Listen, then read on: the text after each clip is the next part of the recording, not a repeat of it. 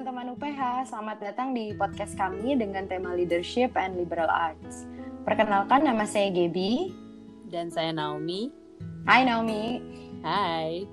Di sini kita akan ngobrol kurang lebih 10 menit mengenai topik yang seru banget dan aplikatif untuk kita lakukan di um, tempat kerja atau di sekolah.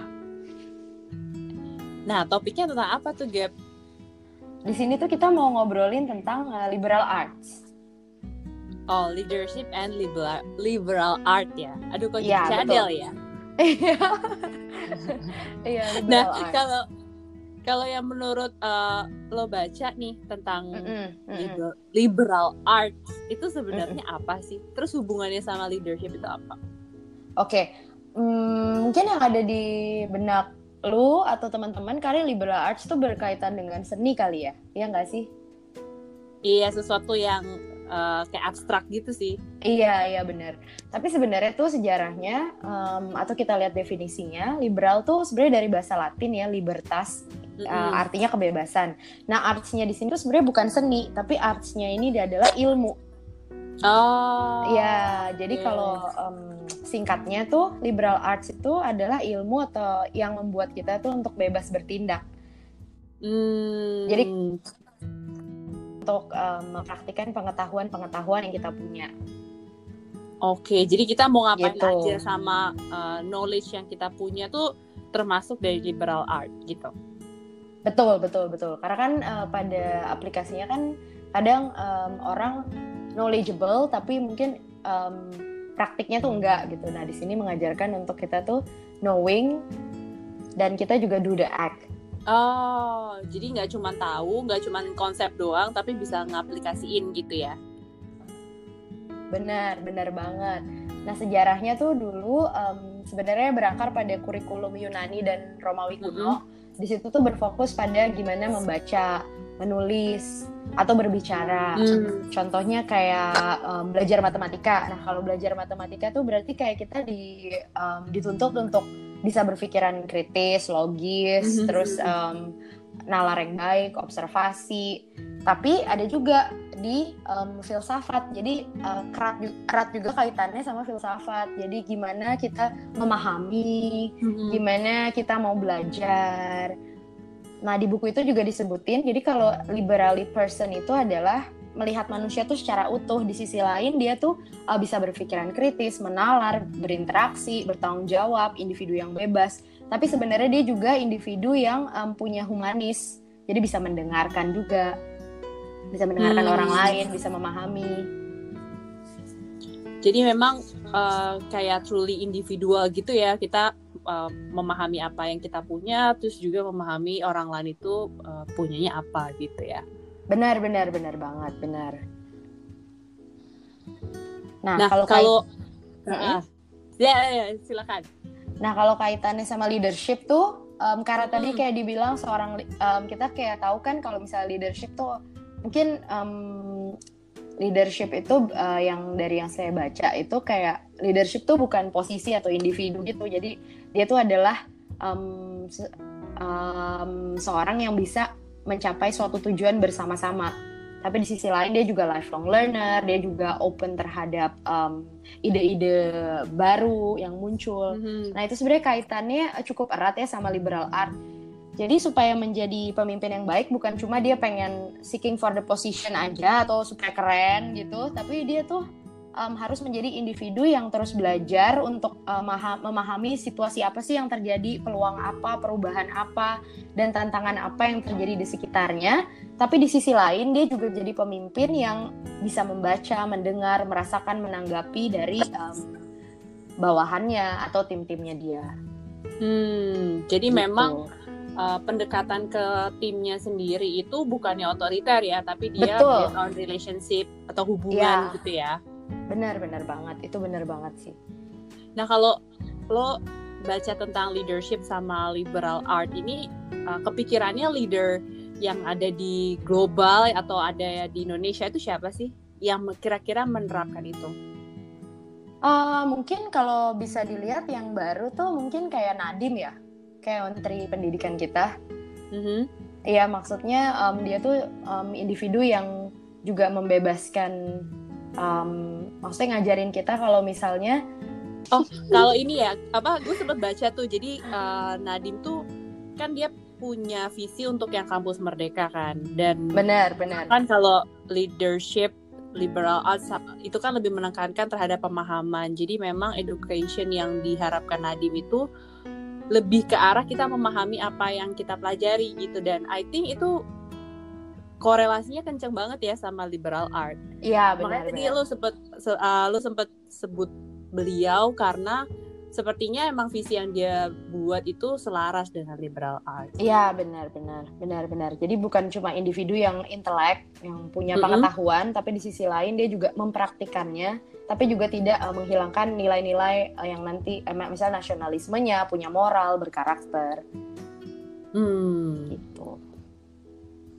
Seru juga ya untuk belajar leadership iya. dan liberal art ini ya. Benar benar benar bagus banget sih apalagi kita sebagai seorang guru atau misalnya pemimpin di suatu perusahaan bagi gue sih kayak penting banget nih untuk tahu um, liberal art hmm. gitu nah kalau uh, uh, gue sempat baca nih kalau leadership liberal art tadi kan udah kaitannya sama education dan ternyata kaitannya juga kenceng banget dengan dunia kekristenan. Ya, ya, ya. Kenapa?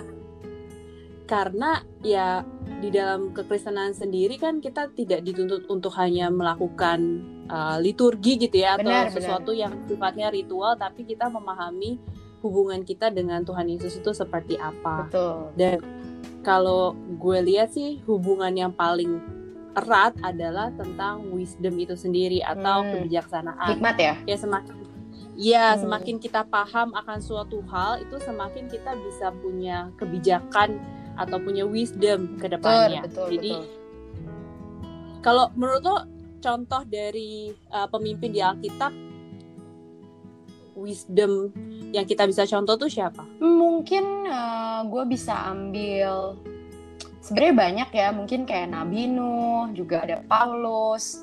Tapi uh, mungkin Nuh kali ya, dia tuh pemimpin yang melakukan apa yang benar bahkan jika dia sendiri. Nah itu tuh kan kalau zaman sekarang kan ada istilah kayak kan fear of missing out gitu. Jadi kayak iya, kita cenderung bener banget, bener banget. Uh, pemimpin yang takut sendirian gitu. Bener, Jadi pengennya bener. sama terus. Benar, benar, benar, benar. Nah kalau dari Nuh itu apa yang lo dapetin? Mungkin kayak dia orang yang uh, berprinsip ya, dia bisa stand on his ground gitu, nggak nggak ngikutin lingkungan atau apa pun. Maksudnya dia ya orang yang berprinsip, dia tahu mau melakukan walaupun dia sendiri. Kayak misalnya walaupun kayak misalnya kita tahu yang tentang Bahtera Nuh walaupun apa pun yang terjadi dia tetap hmm. tahu oh gue punya visi ini jadi gue tetap ke sana walaupun apa aja yang terjadi gitu gak gampang terpengaruh juga menurut gue itu juga hal yang penting untuk menjadi uh, karakter uh, seorang leader yang baik karena jarang juga nggak sih zaman sekarang terus kalau kita lihat situasi sekarang kan emang lagi uh, sulit banget ya maksudnya banyak banget hal yang negatif benar, benar, dan benar liberal art leadership ini kita bisa terapkan sesimpel dengan memahami informasi yang kita dapetin di sosial media atau dari mana pun gitu. Jadi uh, bijaksana untuk mengambil keputusan supaya kita juga nggak terjerumus terhadap hal yang negatif. Benar, benar banget, benar banget, benar banget sih. Nah, terus um, kalau menurut lo, now di Indonesia sendiri udah diaplikasiin belum sih? Uh, selain yang tadi tentang Nadiem Makarim, sebenarnya kita itu lagi berada di fase untuk liberal art. Mm. Tapi masih di fase ya belum belum keseluruhan karena pasti emang masih banyak PR-PR yang kita harus selesaikan. Kalau gue sempat baca sih ada beberapa fakta. Mungkin lo juga boleh share kalau di sekolah lo seperti apa. Kayak terkadang mm -hmm. uh, kurikulum itu kayak student diminta untuk belajar keseluruhan. Mm -hmm. Terus uh, guru pun diminta untuk uh, banyak banget birokrasinya untuk dia bisa dapatkan sertifikasi true, misalnya true. kayak gitu gitu mm -hmm. kayak gitu juga nggak kalau di sekolah lo ya pasti ada aja sih yang seperti itu ya jadi emang bener ya, ya. ya dan ternyata kalau hal-hal yang seperti itu tuh justru menghambat uh, liberal art karena adanya birokrasi, Betul. kemudian adanya patokan-patokan yang sangat uh, top down, jadi leadernya Benar. justru tidak mengencourage bawahannya, Betul. jadinya kreativitas itu mandek. Iya. Ya mungkin as simple as kalau misalnya biasa diancam atau kayak lu ditakutin atau lu harus ini kita jadi individu yang kayak takut untuk berbuat sesuatu karena nanti salah. Aduh, nanti uh, gue Nah. salah lagi kalau begini. Sedangkan kalau di liberal art itu ngajarin kalau ya asertif kita boleh kasih pendapat dengan um, tidak melewati batas yang ada ya maksudnya. Hmm. Iya. Jadi bukannya koridornya itu bukannya iya atau tidak kan, Benar. tapi memang koridornya itu uh, sesuatu yang proper gitu, sesuatu yang memang uh, ada value-nya. Iya benar-benar. Nah, itu juga Betul. sih yang membuat kita uh, dengan adanya global beberapa tahun ini kita jadi Mm-mm. agak terseok-seok gitu kalau misalnya Mm-mm. di compare dengan uh, negara lain dan kalaupun misal uh, budaya dari negara lain itu masuk kita cenderung gampang banget untuk mengikuti budaya asing gitu instead of kita kayak stand on our ground atau kita menerapkan budaya kita sendiri gitu sih. Mm-mm. Bener-bener. Karena kayak kalau pendidikan kan sekarang misalnya kayak di sekolah tuh udah mulai diajarin untuk nggak teacher centered, uh, misalnya Mm-mm. kayak student centered. Kalau zaman dulu banget. Tapi kadang ada aja praktiknya yang masih seperti itu ya. Maksudnya kalau zaman dulu kan kayak militer, pokoknya harus lakuin ini. Kalau nggak begini, ada konsekuensinya ini. Tapi sekarang kan lebih kayak Walaupun anak TK pun mereka diajarin untuk bisa berpendapat, bisa berekspresi, bisa memilih gitu. Uh, lo di sekolah internasional ya? Iya. Nah, praktek dari sekolah internasional tuh sebenarnya memang uh, bagus ya kalau diterapkan di sekolah nasional gitu. Dan tanpa sadar memang sekolah nasional belum sebenarnya dampak terhadap belum secara utuh gitu. Tapi ada bagusnya kita untuk mengadopsi bagian dari globalisasi betul. itu. Jadi tidak ditolak secara utuh. Mungkin Benar-benar. Istilah yang kayak dibilangnya think globally act locally itu sebenarnya bagus ya. Jadi kita berpikirnya global, kita bisa berkompetisi dengan negara Ah, lain, iya. tapi Betul, kita tetap betul, punya root Nah, budaya Indonesia. betul. Ya, ya, ya, ya, ya. Terus kalau menurut lo nih, apa sih yang bisa kita lakukan, even small things untuk mendukung supaya kita bisa seperti itu? Kalau kita sebagai individual, sebenarnya yang kita bisa lakukan adalah sesimpel memahami Pancasila, kemudian memahami budaya Indonesia itu seperti apa, Kak.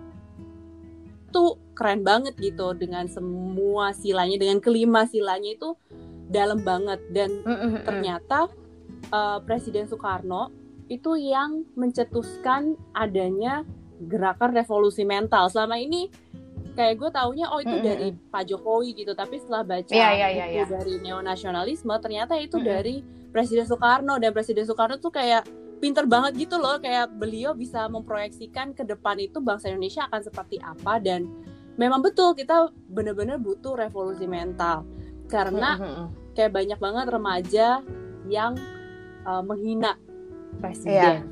Terus Betul, uh, semuanya jadi netizen yang negatif banget setiap hari gitu kan. Itu salah satu contoh dari dari degradasi mental. Sorry, Wah, itu gue setuju banget sih. Ya, zaman sekarang banyak banget ya yang kayak penurunan moral, terus ya negativity. Maksudnya ya itu nggak bisa di nggak bisa di kita nggak bisa hindari ya. Makanya itu Betul. balik lagi kayak yang tadi kita omongin, kayak misalnya kayak tadi yang um, kita ngomongin tentang kekristenan, gimana kita bisa Hmm. Bisa jadi orang yang berprinsip kali ya. Betul. Nah, untuk membuat seseorang bisa punya value, punya prinsip itu butuh banget pendidikan yang menekankan pada karakter. Jadi Benar memang banget. visi dan misinya itu juga harus mengcapture neonasionalis gitu. Hmm. Berarti bukan cuma pemimpin ya, berarti sebenarnya kita sebagai individu ya. Betul. Nah, kalau Iya. eh, menurut lo nih sebagai guru karena lo kan kerja di sekolah. Eh, Mm-mm. Kalau tadi gue udah sempat bilang dari segi individualnya ya, tapi kalau dari aspek guru gitu, menurut lo apa yang kita dapat lakukan small thingsnya? Iya mungkin kayak gimana kita em, menempatkan em, nggak sebagai bukan seorang superior kali ya, bagaimana kita bisa kolaborasi juga sama murid, terus kita em, menginspirasi murid untuk eh, punya kemampuan, etos kerja, mm-hmm. punya kedisiplinan di dalam diri mereka terus um, mungkin bisa juga uh, mengajarkan siswa supaya mereka juga menjadi yang tadi lo bilang bahwa pendidikan itu penting. Mereka um, harus punya ilmu pengetahuan yang yang baik. Mereka punya uh, they develop dari apa critical thinking. Tapi di sisi lain bukan cuma hanya bagus di dalam ilmu pengetahuan tapi di sisi moral dan karakter juga penting. Jadi nggak cuma ngehafal gitu ya tapi emang apa pun yang dia pelajari itu dia pahami dan dia terapkan Iya, benar, benar, benar banget. Dan ada keseimbangan antara intelektualitas sama kepribadian kali ya. Karena itu kadang kita suka lihat, um, kadang bertolak belakang gitu loh. Misalnya kita bisa lihat kayak orang bisa pintar banget, cuma mm-hmm. kayak akhlak moralnya kurang. Gitu. Karakternya kurang. Betul, iya emang sih kalau uh, gue sempat baca buku gitu ya orang kalau mau dipercaya itu emang harus punya karakter dan kompetensi. Betul punya yeah. pengetahuannya bagus tapi karakternya juga bagus. Bener banget gue setuju banget sih. Wah menarik ya bagus banget ya. Kalau dari aspek pemimpin menurut lo harus kayak gimana? Nanti setelah lo share gue akan share. Sisi kepemimpinan yang tadi udah gue share kali ya gimana dia um, bukan cuma um, seorang pemimpin yang bisanya um, guru aja gitu tapi dia juga dia knowledgeable tapi dia juga mempraktikkan. Jadi dia tidak hanya menyuruh. Tapi dia kayak hmm. orang bisa ngeliat dia as a role model. Oh iya dia bukan cuma ngomong tapi dia juga melakukannya. Jadi kayak walk the talk gitu ya maksudnya? Betul betul. Tapi lu ngalamin kepemimpinan kayak gitu ya wah gue sih uh, ngalamin sih kepemimpinan yang kayak gitu yang cuma bisa uh, maksudnya ada beberapa pemimpin yang cuma bisa um, kayak waktu itu kita juga pernah dengar kali ya di kuliah um, leadership kalau ada orang yang bisa jadi manajer tapi eh nggak um, semua orang bisa jadi bisa semua orang bisa jadi manajer tapi nggak semua orang bisa jadi leader kan? Hmm, iya hmm, betul. betul. Jadi ya gitu. Gue ya nemuin juga sih banyak yang bisa jadi manajer ya tapi yang jadi yeah sisi leadershipnya belum bener keasah, gitu banget gitu ya. karena kan kalau jadi leader lo harus sebenarnya dia tuh di bawah kan dia mau denger orang lain atau harusnya dia seneng kalau misalnya punya tim yang lebih lebih um, berinovasi mungkin dari dia juga gitu hmm. nah ini nyambung sih kalau menurut gue uh, pemimpin yang menerapkan liberal mm -hmm. arts itu dan pastinya neonasionalisme dia itu bisa menciptakan ekosistem yang berbasis kepemimpinan kayak tadi jadi bukannya uh, ide atasannya yang Betul selalu benar tapi justru ide bawahan itu yang kita trigger untuk bisa bener. keluar nah itu um, dan peran kita tuh sebagai mentor gitu iya, loh jadi kayak sebagai supportnya mereka bener, bener. Gitu. Makanya itu dibilang di liberal art itu pemimpin yang membaca mendengar merasakan dan menanggapi ya karena ketika kita di trust pasti kita akan um, bisa lebih lebih keluar nggak sih potensi-potensi kita Iya, kalau misalnya di lead by fear pasti kayak dikit-dikit takut, bener, dikit-dikit bener banget. bingung bener, gitu bener kan. Banget, bener banget, bener banget. Dan at the end of the day, kalau misalnya kita bisa menerapkan itu, menciptakan ekosistem, hmm. Pastinya yang muncul itu adalah uh, unity gitu. Jadi kayak sesuatu yang persatuan tuh nggak dipaksa gitu, tapi emang bener. itu bersinergi dengan organik gitu dengan sesuatu yang uh, memang natural. Betul betul, gue setuju banget sih. Nah, kalau misalnya kita mau uh, baca lebih lanjut atau mau memahami lebih lanjut, iya. mungkin teman-teman bisa langsung baca presentasi kita kali iya, ya. Iya, benar banget boleh baca. Dan feel free to ask. Betul. Jadi kalau misalnya ada hal yang masih bingung atau pengen didiskusikan atau pengen diperdebatkan gitu ya, ya kita boleh. open banget untuk menjawab. Bener banget. Semoga bisa menginspirasi ya. Betul. Terakhir ada satu dua kata Gap untuk teman-teman kita. Um, do the act. Act ya. Kalau dari gue um, terus bijaksana dalam melakukan segala sesuatu. Iya. Gak dua kata ya, maaf ya. Tetaplah bijaksana itu aja deh ya. Bijaksana. Bener-bener itu gue setuju sih.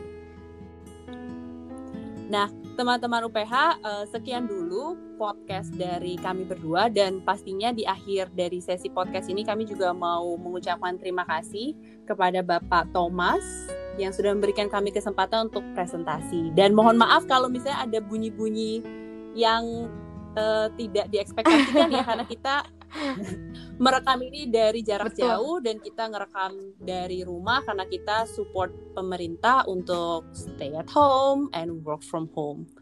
Terima kasih dan sampai jumpa.